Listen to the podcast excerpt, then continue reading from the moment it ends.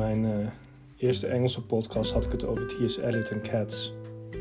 En ik dacht, uh, ik doe ook een Nederlandse variant. Uh, Cats, vertaald naar kattenboek. Wat eigenlijk heel jammer is, want kattenboek is toch heel iets anders dan Cats. En Gert Komrij heeft het ooit vertaald. Tenminste, ik lees hier een vertaling uit. Laat ik het erbij pakken. uit 1985. En ik ben er heel erg ontevreden mee en ik zal ook vertellen waarom. De titel van, het, uh, van de bundel luidt Kobus Kruls, Parmantige Kattenboek. Kobus Kruls, Parmantige Kattenboek.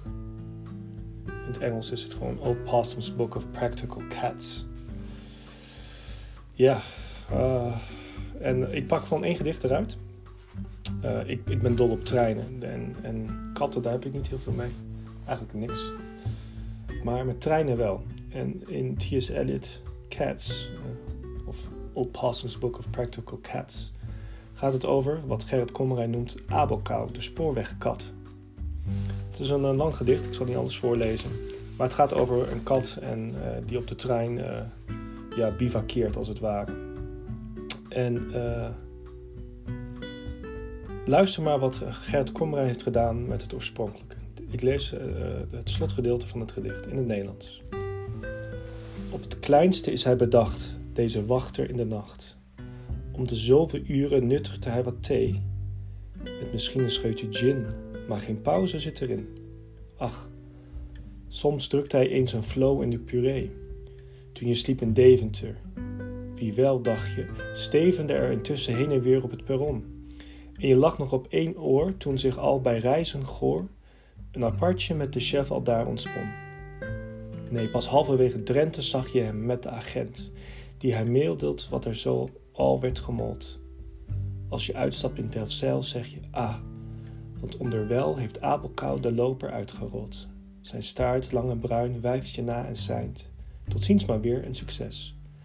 Hij zal er steeds zijn op de nachtposttrein, de kat van de Noord-Express. Bij dit soort vertalingen moet ik altijd denken, uh, uh, ja, moet je een gedicht vertalen om het te kunnen volgen. Soms uh, heeft een gedicht in de oorspronkelijke taal gewoon de ritme, het gevoel van het klopt. En dit is gewoon een heel ander boek geworden. En Komrij vast zijn best gedaan over kuddo's, maar het komt lang niet in de buurt van het origineel. in het Engels, Skimble Shanks, The Railway Cat. En dan gaat het mij hier om Crew. Crew is een prachtig en tegelijkertijd afgrijzelijk dorpje, stad in, uh, in het midden van Engeland, uh, waar ik regelmatig kom, al een jaar of, nou, hoe lang zou het er komen? Een jaar of 15. Normaal gesproken ook een plek om uh, te bivakeren rondom het einde van het jaar. Ik hou niet van vuurwerk en op het platteland is er weinig vuurwerk, alhoewel het vuurwerk is daar de afgelopen jaren ook toegenomen. Maar het was de ideale plek om te schuilen. En Crew heeft echt een prachtig station. Het is een soort ja, uh, centrale plek, een centrale hub voor alle treinen in Engeland. Het verbindt Noord met Zuid en West met Oost en de rest. En dit is de vertaling van Komrij. En ik zal het oorspronkelijke lezen. Hetzelfde gedeelte.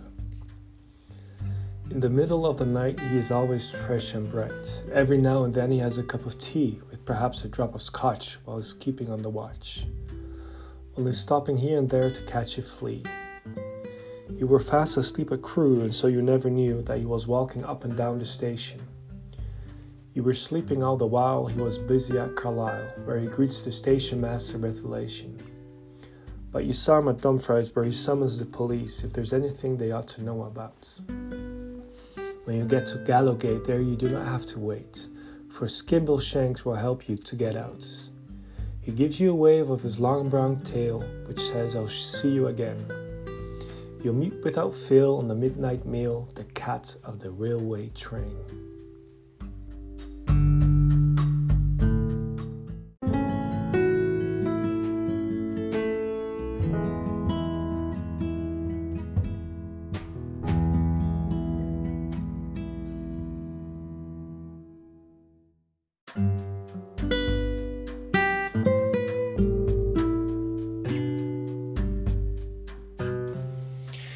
Ja, dan wordt Crew Deventer. Ja, daar kan ik toch niet mee leven. Abel Skimble Shanks, ja, dat is toch heel iets anders in uh, mijn beleving, in mijn wereld. Uh, niet, uh, niets ten nadele van de kwaliteit van de poëzie van Gert Kommerij, want hij kan prachtig dichten. Maar crew vertalen naar Deventer, ja, dat is toch een hele andere wereld oproepen. overigens, vergeef me, mijn Engels is oké, maar niet zo goed als die van Jeremy Irons als je hem googelt. Hij leest prachtige T.S. Eliot Cats voor. Heb hij een paar keer gedaan, twee jaar op als ik me niet vergis. Rondom kerst. Echt een prachtige, prachtige stemmen, een warme stem heeft die man. Jeremy Irons, zoek, zoek maar. Kun je niet vinden, dan kun je altijd nog naar tseliotsociety.uk. tseliotsociety.uk, die hebben ook een prachtige website met veel meer informatie over T.S. Eliot. Ja, dat is toch wat, hè? Crew naar Deventer verplaatsen. Crew is natuurlijk gewoon een, eh, een arbeidersdorpje. En Deventer, dan hebben we het toch echt al over een, een, een of voorhanzestad. Een uh, prachtige rivier. Niet te vergelijken. Ja, ben ik dan altijd zo negatief?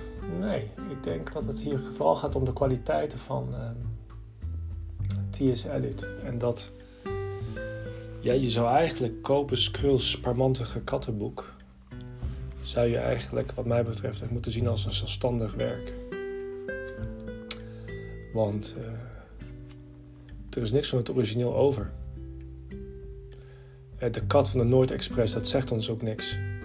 De Noord Express in Nederland, dat is. Uh, ja, daar ben je natuurlijk ook zo doorheen. Uh, Reizigoord, Drenthe, Delfzijl, Deventer.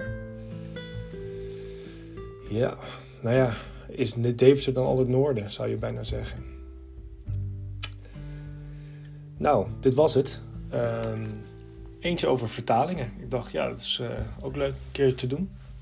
Misschien dat ik de volgende keer weer iets anders pak. Zeker weten doe ik dat. Maar uh, dit was uh, Old Possum's Book of Practical Cats. trouwens, de bundel die de musical Cats ooit inspireerde. En laat ik afsluiten met uh, misschien wel het mooiste uit deze bundel.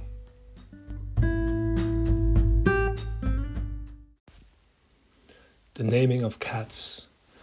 The naming of cats is a difficult matter. It isn't just one of your holiday games. You may think at first I'm as mad as a hatter when I tell you a cat must have three different names. First of all, there's the name that the family use daily, such as Peter, Augustus, Alonzo, or James, such as Victor or Jonathan, George or Bill Bailey, all of them sensible, everyday names. There are fancier names if you think they sound sweeter, some for the gentlemen, some for the dames, such as Plato, Admetus, Electra, Demeter, but all of them sensible, everyday names. But I tell you, a cat needs a name that's particular a name that's peculiar and more dignified. Else, how can he keep up his tail perpendicular, or spread out his whiskers, or cherish his pride? Of names of this kind, I can give you a quorum, such as Monkastrap, Quaxo, or Coricopats, such as Bombalurina, or else Jelly Lorem. Names that never belong to more than one cat. But above and beyond, there's still one name left over and that is the name that you will never guess. The name that no human research can discover. But the cat himself knows and will never confess. When you notice a cat in profound meditation, the reason I tell you is always the same. His mind is engaged in the rapt contemplation of the thoughts of the thoughts of the thought of his name. His ineffable, effable, F in ineffable deep and inscrutable singular name.